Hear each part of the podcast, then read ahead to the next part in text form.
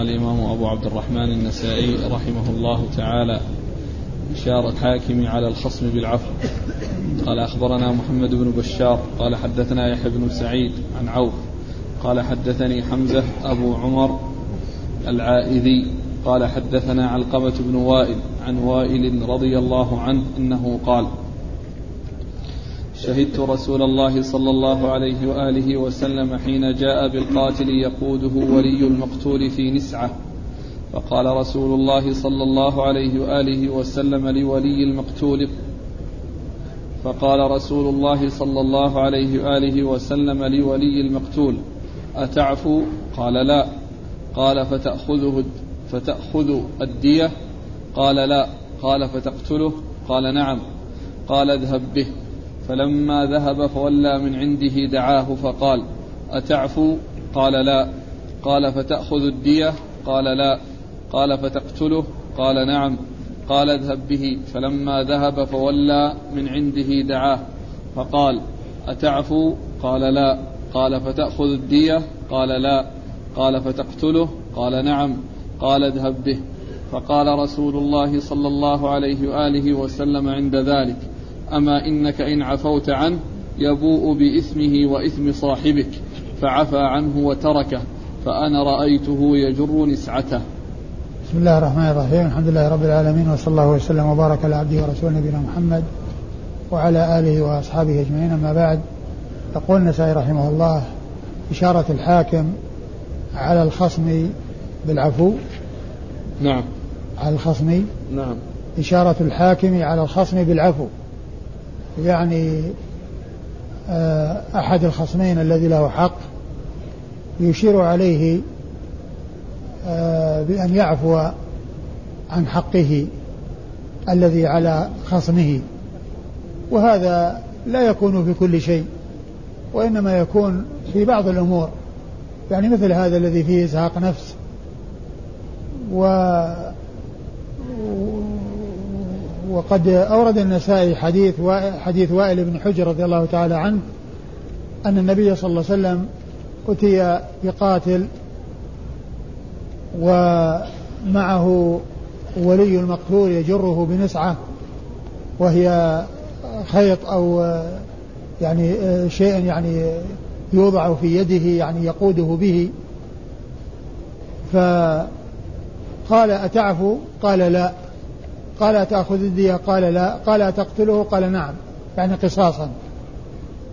وهذا فيه الإشارة إلى المشورة بالعفو وأنه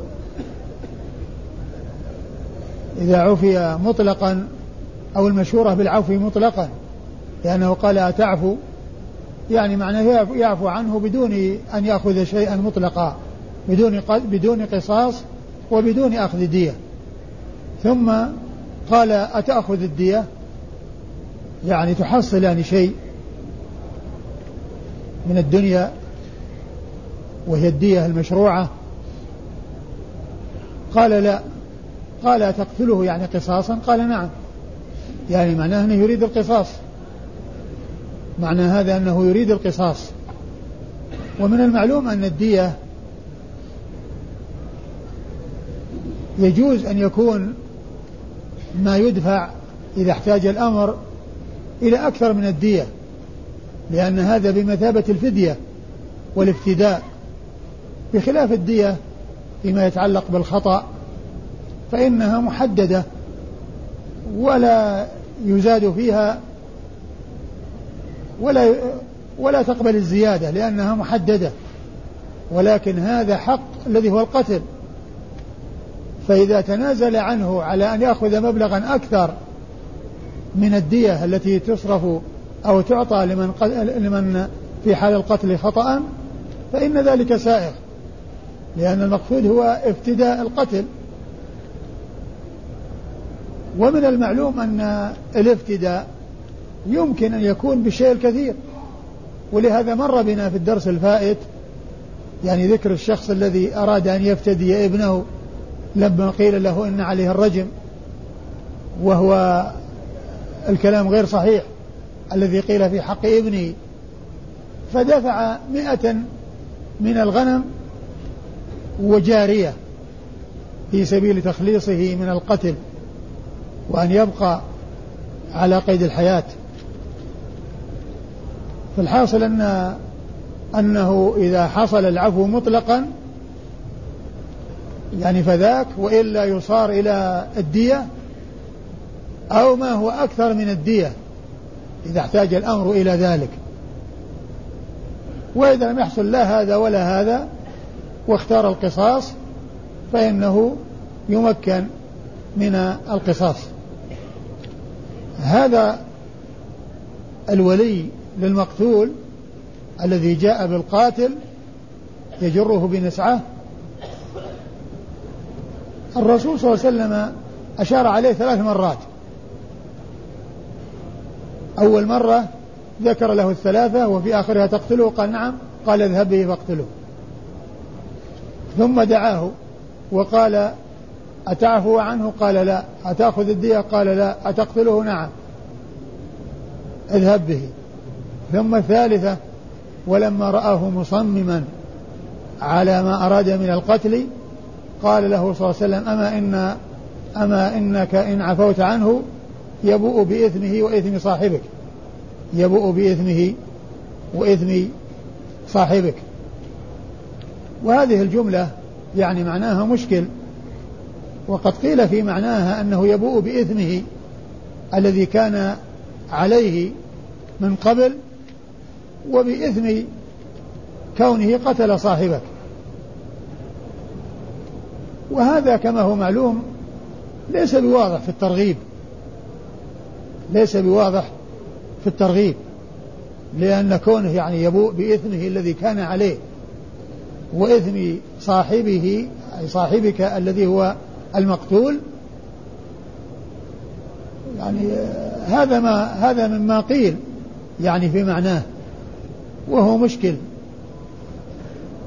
وفي الحديث إشارة إلى أنه إذا اختير القصاص والقتل فإنه يكون كفارة يعني عن القاتل بمعنى أنه قتل وقتل قتل وقتل وقوبل بقتله لغيره بحصول القتل له هو. يعني ففي الحديث إشارة إلى أن الإنسان إذا اقتص منه يعني معناه أن الشيء الذي عليه أو الشيء الذي ارتكبه من الجرم أنه وجد ما يكفره وذلك بأنه قتل هو وذهب كما ذهب من قتله كما ذهب من قتله. آه، فعفى عنه قال وائل فرأيته يجر نسعته. فأنا رأيته نعم يجر نسعته. فأنا رأيته يجر نسعته يعني بعدما أطلقه وتركه وبذلك الحبل الذي كان أو الخيط أو السير الذي كان في يده يعني ذهب يجر هذا الذي كان يقوده به. يعني معناه أنه عفى عنه وصار طليقا من ذلك الوقت. ومقصود من الحديث مشورة الرسول صلى الله عليه وسلم على ولي المقتول بأن يعفو عن القاتل. نعم. قال أخبرنا محمد بن بشار. أخبرنا محمد بن بشار هو الملقب بن دار البصري ثقة أخرج له أصحاب كتب الستة وهو شيخ لأصحاب كتب الستة. عن يحيى بن سعيد. عن يحيى بن سعيد القطان البصري ثقة أخرج له أصحاب كتب الستة. عن عوف. عن عون بن أبي جميلة الأعرابي وهو ثقة أخرج له أصحاب كتب الستة. عن حمزة أبو عمر عوف.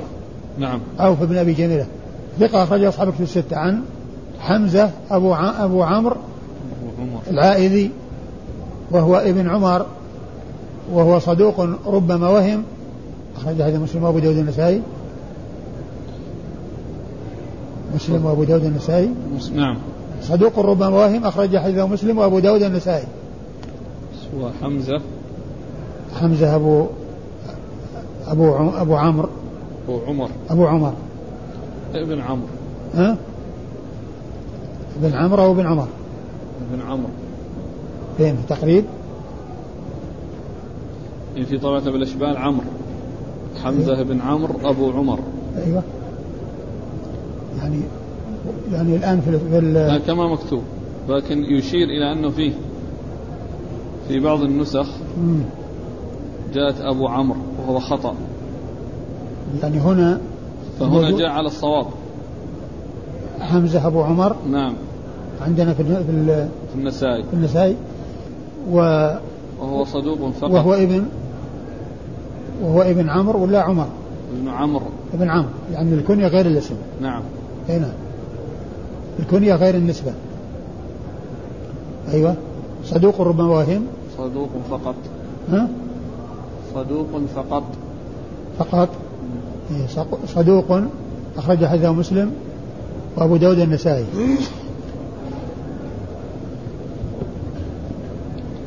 عن علقمة بن وائل. عن علقمة بن وائل بن حجر وهو صدوق. صدوق فقط؟ لا هذا ثقة. لا ثقة هو؟ علقمة بن وائل. إيه؟ ثقة. وهو ثقة.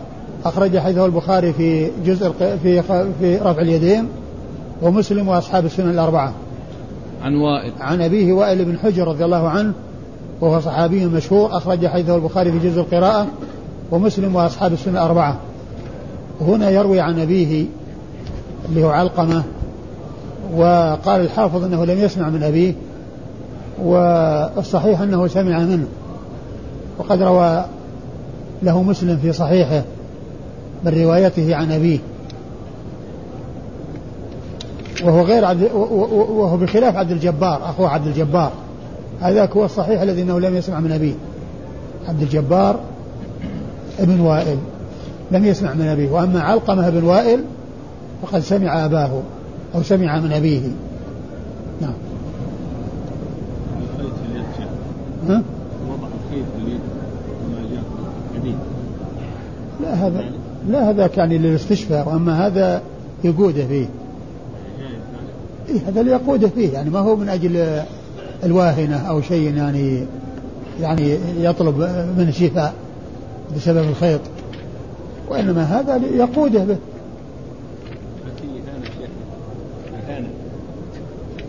على على كل يعني هو الرسول صلى الله عليه وسلم أقره على هذا. أقول الرسول أقره على هذا. يعني ماسكه يخاف يشرد. ها؟ أقول يعني ماسكه هذا يخاف يشرد. بالنسبة لعلقمة كما ذكرت علقمة بن وائل. نعم. من حيث أنه صدوق وليس بثقة. صدوق؟ اي إيه؟ هنا ما علق به أبو الأشبال على ترجمته. إيه؟ من أين منقول ها؟ من أين نقله؟ كيف من أين نقله؟ أبو الأشبال علق على علقمة بن وائل صدوق إنه إلا أنه لم يسمع من أبيه. أيوه. فقال قال الأمير علي إنه سمع إلى آخر كلامه. قصدك الأمير علي؟ إيه. والله ما أعلم. وكأنه فيه سبقا يعني أحد الطلاب أفاد بأنه في كتاب على التقريب. أيوه. بس كنا ما لعلكم تذكرونه. يعني التقعيب وكذا اللي يسمى التقعيب شيء. كأنه في هذا. يمكن. قال رحمه الله تعالى إشارة الحاكم بالرفق. قال أخبرنا قتيبة قال حدثنا الليث عن ابن شهاب عن عروة أنه حدث أنه حدثه أن عبد الله بن الزبير حدثه أن رجلا خاص من الأنصار خاصم الزبير. رضي الله عنهما إلى رسول الله صلى الله عليه وآله وسلم في شراج الحرة التي يسقون بها التي يسقون بها النخل. فقال الأنصاري سرح الماء يمر بأبي سرح الماء يمر فأبى عليه. فاختصموا عند رسول الله صلى الله عليه وآله وسلم. فقال رسول الله صلى الله عليه وآله وسلم اسقي يا زبير ثم أرسل الماء إلى جارك. فغضب الأنصاري فقال يا رسول الله أن كان ابن عمتك فتلون وجه رسول الله صلى الله عليه وآله وسلم ثم قال يا زبير اسق ثم احبس الماء حتى يرجع إلى الجدر. فقال الزبير إني أحسب أن هذه الآية نزلت في ذلك فلا وربك لا يؤمنون الآية. ثم ورد النسائي هذه الترجمة وهي إشارة الحاكم على الخصم بالرفق. إشارة نعم. إشارة الحاكم بالرفق. إشارة الحاكم بالرفق. آه، أورد النسائي حديث آه، حديث الزبير. الزبير رضي الله تعالى عنه في قصة تخاصمه مع الأنصاري إلى رسول الله صلى الله عليه وسلم في شراج الحرة وهي المسائل التي آه، أماكن عالية ينحدر منها الماء على تل على الأماكن المنخفضة. وكان الزبير هو الذي كان يلي تلك المسائل وبعده الأنصاري الذي هو جاره.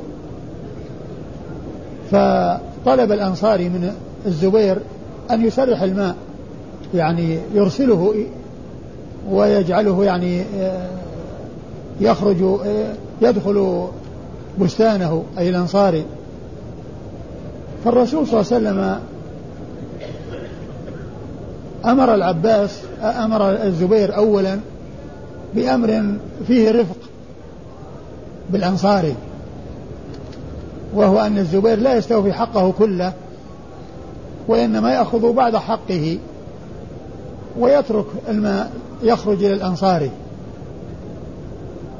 وذلك بكون الماء يعني يكون في الأحواض أحواض النخل دون أن يرتفع. وهذا بعض حقه وهو أرفق بالأنصاري وقد سبق أن مر في بعض الروايات أنه قال في أمر فيه سعة لهما يعني معناه أن فيه فائدة مشتركة. وخاصة فيما يتعلق بالأنصاري لأن الماء سيأتي إليه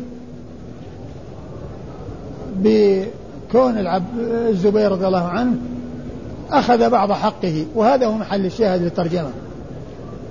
لكن الأنصاري لما قال ما قال الرسول صلى الله عليه وسلم حكم الحكم الذي يستحقه الزبير وفصل بأن أعطاه هذا كامل حقه. ويستوفي كامل حقه وهو أن يحبس الماء حتى يصل إلى الجدر ثم يرسله إلى جاره. ثم يرسله إلى جاره.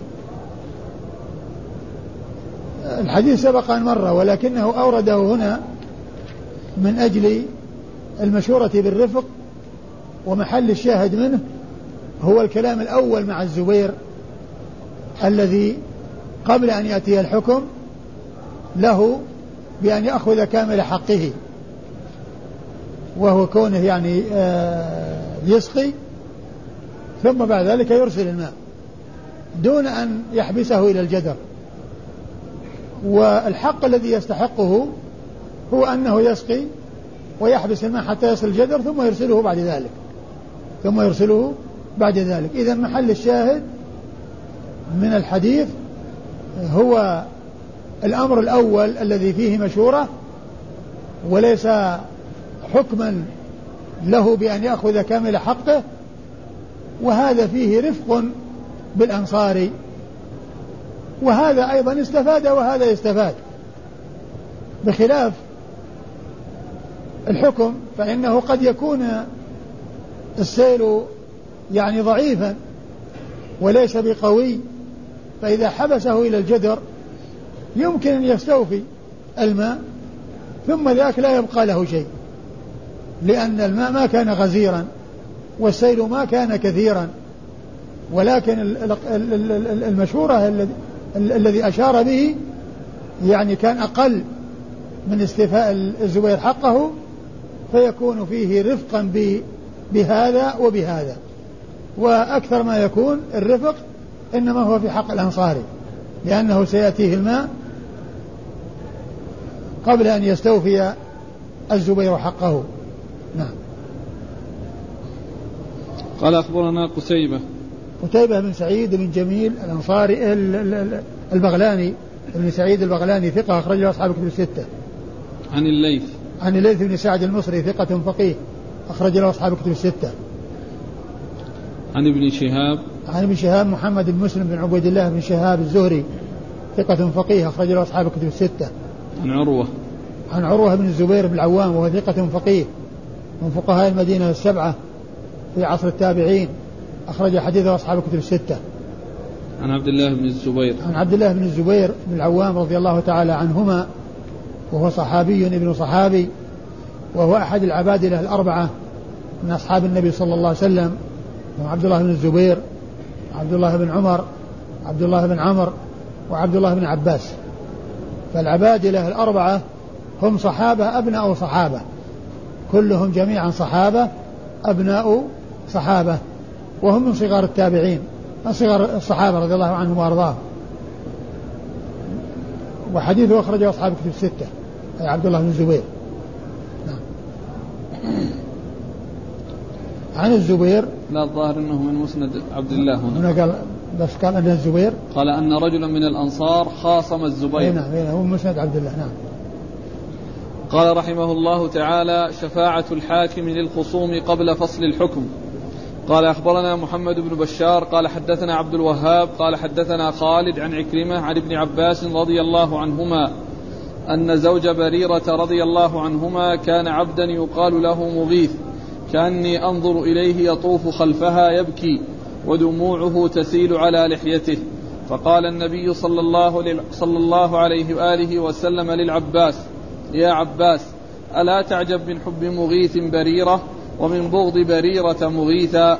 فقال لها النبي صلى الله عليه وآله وسلم لو راجعتيه فإنه أبو ولدك. قالت يا رسول الله أتأمرني؟ قال إنما أنا شفيع. قالت فلا حاجة لي فيه.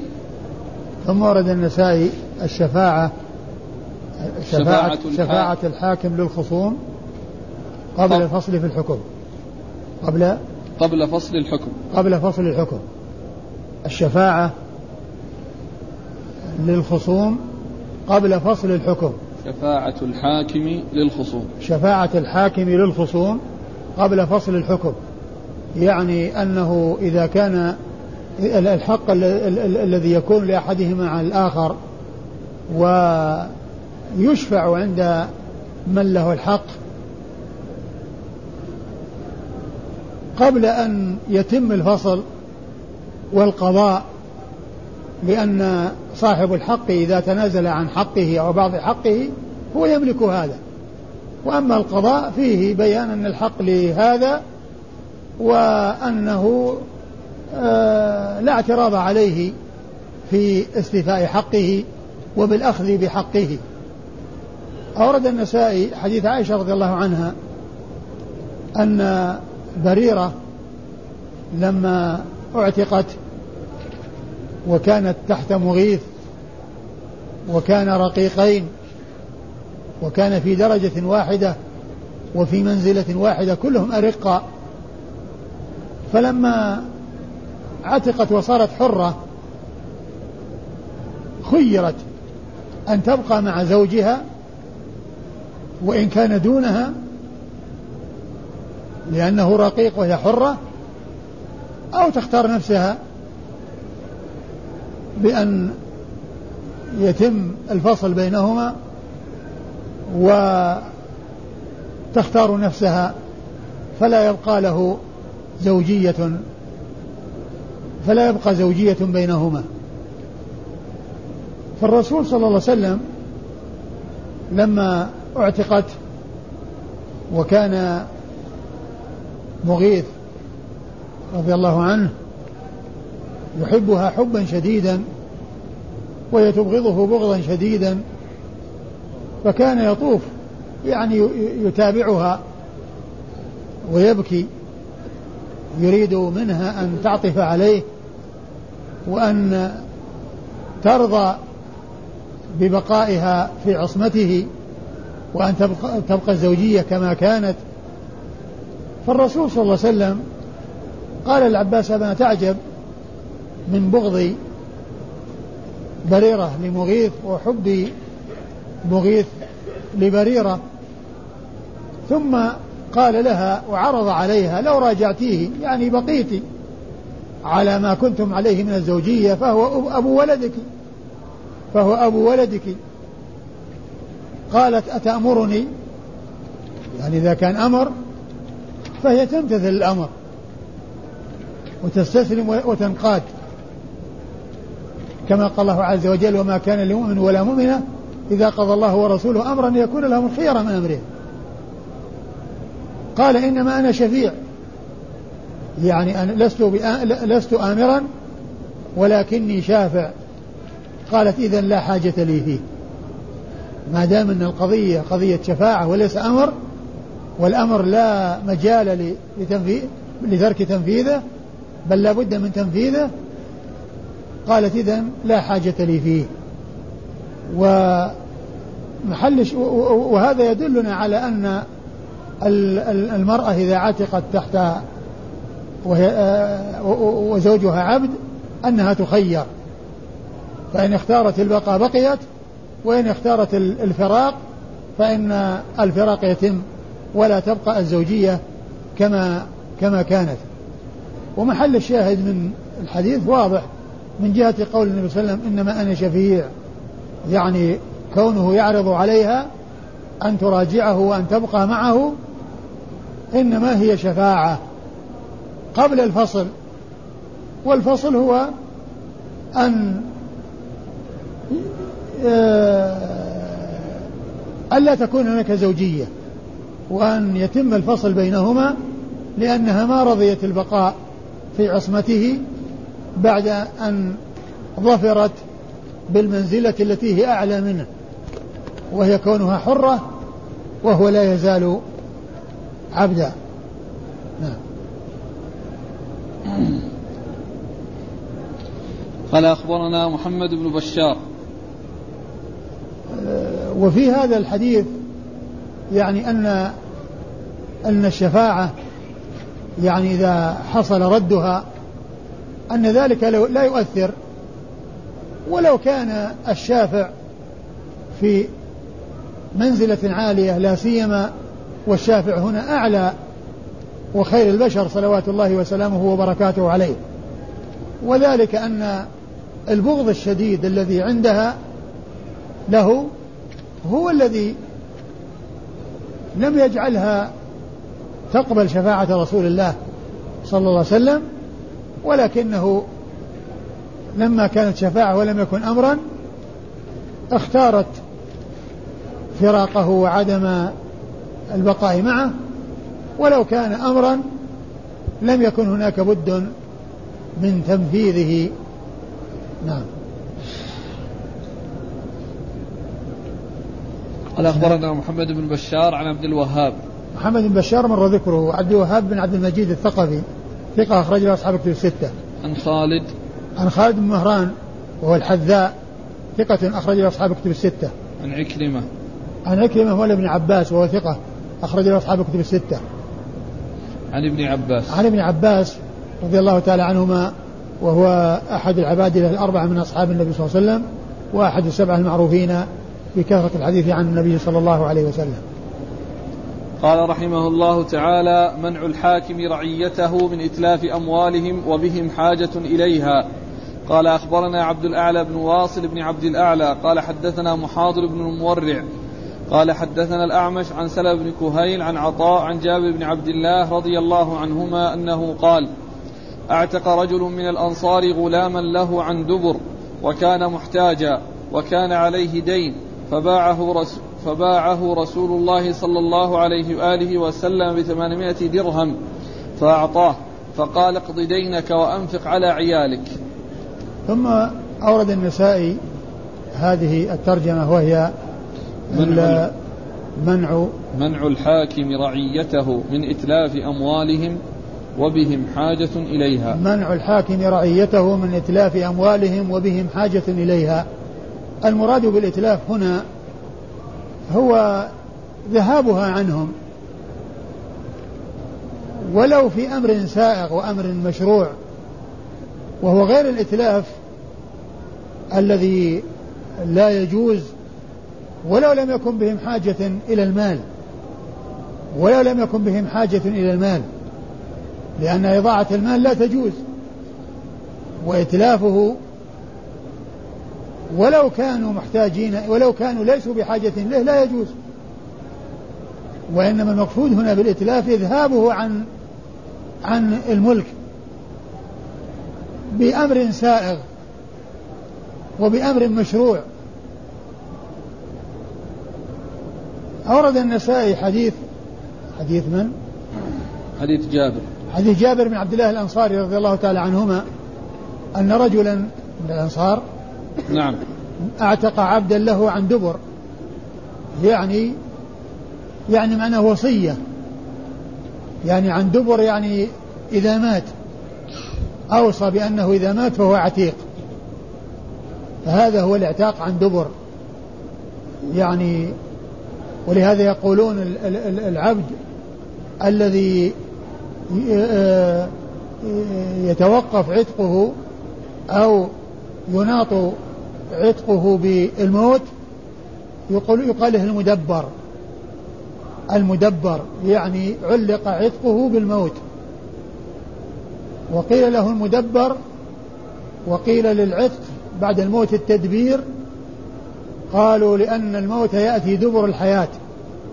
لأن الموت يأتي دبر الحياة يعني بعد الحياة. يأتي بعدها الموت.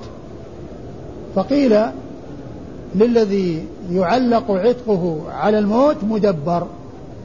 وقيل لتعليق العتق على الموت تدبير. وهنا قال عن دبر. يعني إذا مات فعبده عتيق. الرجل محتاج إلى المال وعليه دين. فالرسول صلى الله عليه وسلم أخذ هذا العبد الذي علق عتقه على وفاته فباعه بثمانمائة درهم وأعطاه إياها وقال اقضي بها دينك وأنفق بها على نفسك وأنفق منها على نفسك. والمقصود من إرادة الترجمة إتلاف المال يعني كونه أخرجه من ملكه أو أراد إخراجه من ملكه دون أن يسد حاجته ودون أن يقضي دينه. فهو بحاجة للإنفاق على نفسه وهو بحاجة إلى قضاء دينه. والعتق قربة ونافلة والدين واجب قضاءه. والدين قضاؤه واجب. وكون الإنسان ينفق على نفسه يعني هذا يعني من أهم المهمات للإنسان فهو ينفق على نفسه وعلى من تجب عليه نفقته. فالرسول صلى الله عليه وسلم باعه وأعطاه القيمة وقال أقضي دينك وأنفق على نفسك. فدل هذا على أن مثل هذا التصرف وهو كون الإنسان يخرج من ماله وهو بحاجة إليه أن حاجته مقدمة وأن قضاء دينه مقدم. نعم. قال أخبرنا عبد الأعلى بن واصل بن عبد الأعلى. عبد الأعلى بن واصل بن عبد الأعلى وهو ثقة أخرجه الترمذي والنسائي. ثقة أخرجه الترمذي والنسائي. عن محاضر بن المورع. عن محاضر بن مورق وهو مورع. مورع. نعم. و... نعم ابن مورع نعم وهو صدوق له أوهام صدوق له أوهام أخرج حديثه. البخاري تعليقا ومسلم وأبو داود والنسائي. البخاري تعليقا ومسلم وأبو داود والترمذي والنسائي؟ لا ما في الترمذي. أي البخاري تعليقا ومسلم وأبو داود والنسائي عن الأعمش. عن الأعمش سليمان بن مهران الكاهلي هو ثقة أخرج له أصحاب كتب الستة. عن سلمة بن كهيل. عن سلمة بن كهيل ثقة أخرج له أصحاب كتب الستة. عن عطاء. عن عطاء بن أبي رباح وهو ثقة أخرج له أصحاب كتب الستة. عن جابر بن عبد الله. عن جابر بن عبد الله الأنصاري رضي الله تعالى عنهما وهو أحد السبعة المعروفين بكثرة الحديث عن النبي صلى الله عليه وسلم. قال رحمه الله تعالى القضاء في قليل المال وكثيره. قال أخبرنا علي بن حجر قال حدثنا إسماعيل قال حدثنا العلاء عن معبد عن معبد بن كعب عن أخيه عبد الله بن كعب عن أبي أمامة رضي الله عنه أن رسول الله صلى الله عليه وآله وسلم قال من اقتطع حق امرئ مسلم بيمينه فقد أوجب الله له النار وحرم عليه الجنة. فقال له رجل وإن كان شيئا يسيرا يا رسول الله قال وإن كان قضيبا من أراك. ثم أورد النسائي هذه الترجمة وهي القضاء في كثير المال وقليله. يعني أن القضاء في كثير المال هذا واضح ولكن المقصود هو ذكر القليل. والقضاء يكون في الشيء الكثير والقليل ما يختص بالكثير. بل لو كان قليلا فإنه يقضى به. وإذا كان الإنسان أخذ شيئا عن طريق القضاء وهو لا يستحقه إما بشهود زور أو بيمين كاذبة فاجرة فإن العقوبة عظيمة وشديدة. فأورد النسائي حديث أبي أمامة. حديث أبي أمامة إياس بن ثعلبة رضي الله تعالى عنه أن النبي صلى الله عليه وسلم قال من اقتطع مال امرئ مسلم بيمينه حرم الله عليه حرم الله فقد أوجب الله له أوجب الله له النار وحرم عليه الجنة.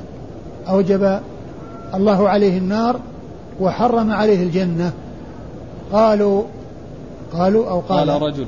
قال رجل وإن كان شيئا يسيرا يا رسول الله يعني هذا الذي اقتطعه بيمينه هو شيء يسير؟ قال وإن كان قضيبا من أراك وإن كان عودا من عود الأراك الذي يستاك به وهو شيء يسير وتافه. فإن أنه إذا وصل إلى الإنسان وهو قليل وإن كان قليلا وأخذه بغير حقه فإنه يستحق هذه العقوبة. وهذا يدلنا على خطورة الوصول إلى أخذ مال الغير بغير حق لا سيما إذا كان بيمين فاجرة يحلف بالله عز وجل وهو كاذب أن الحق له وهو ليس له.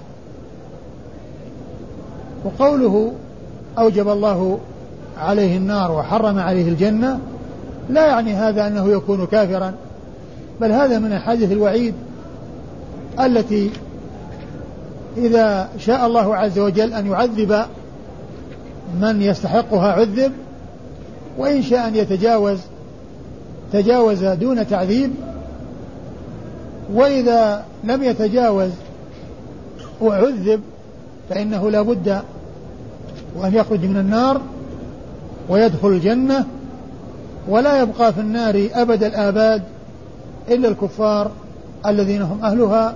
والذين لا سبيل لهم إلى الخروج منها.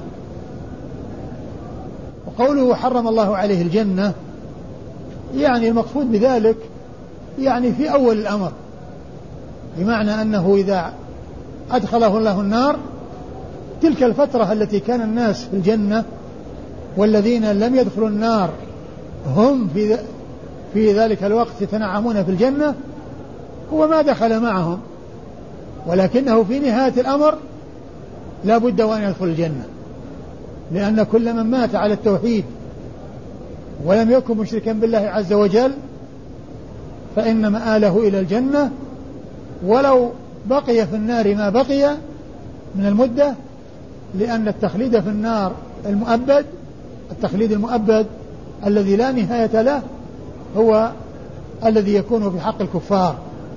أما المؤمنون العصاة الفساق فإنهم إذا عذبوا في النار لا بد وأن يخرجوا منها ويدخلوا الجنة.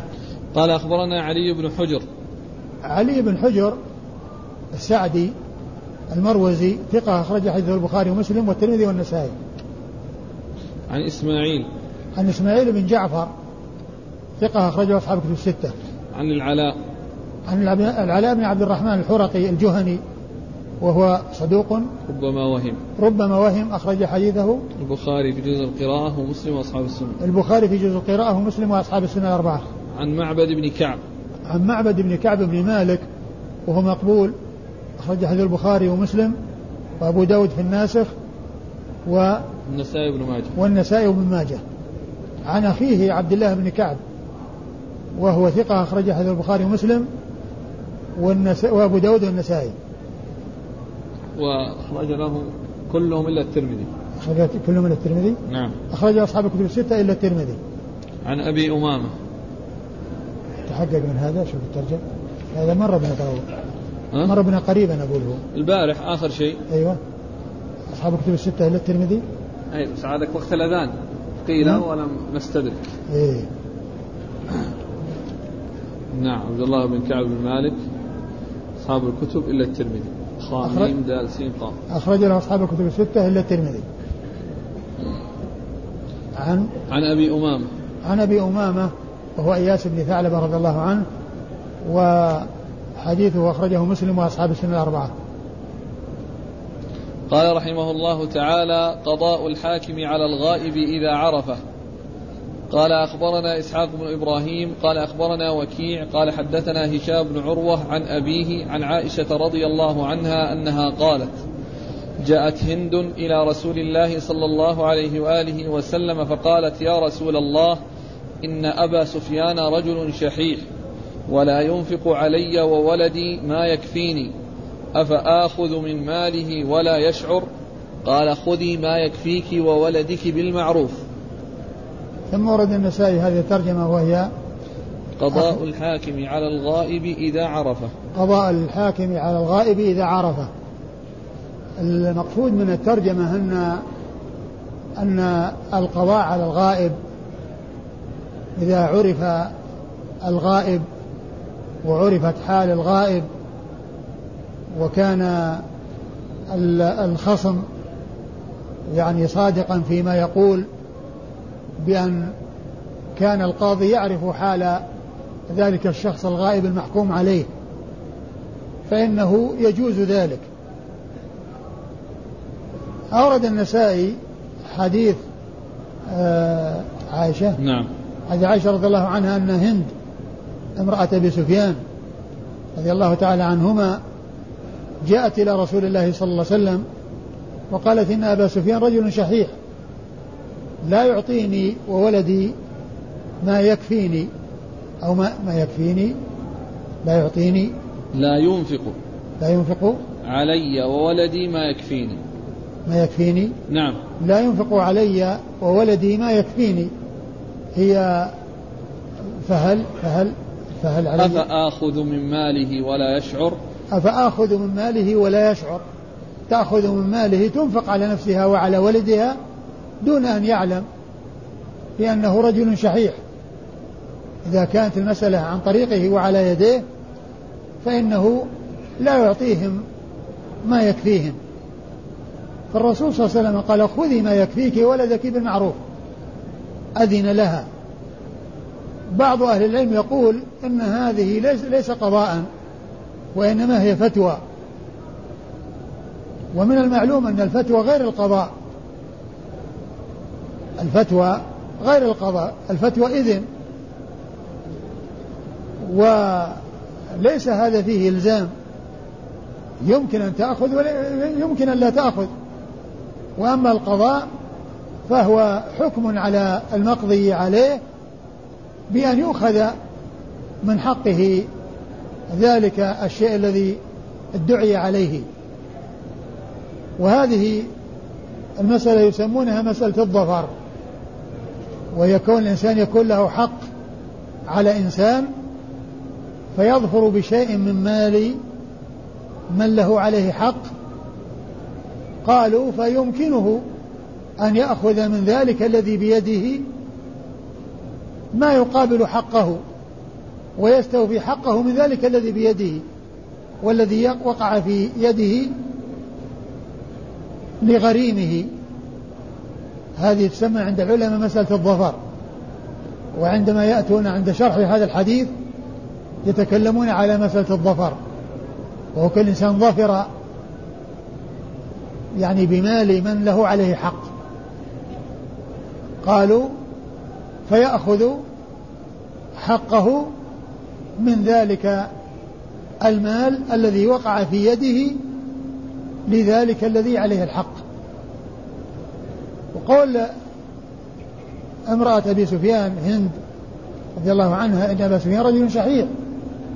هذا من الأمور التي استثنيت يعني فيها الغيبة.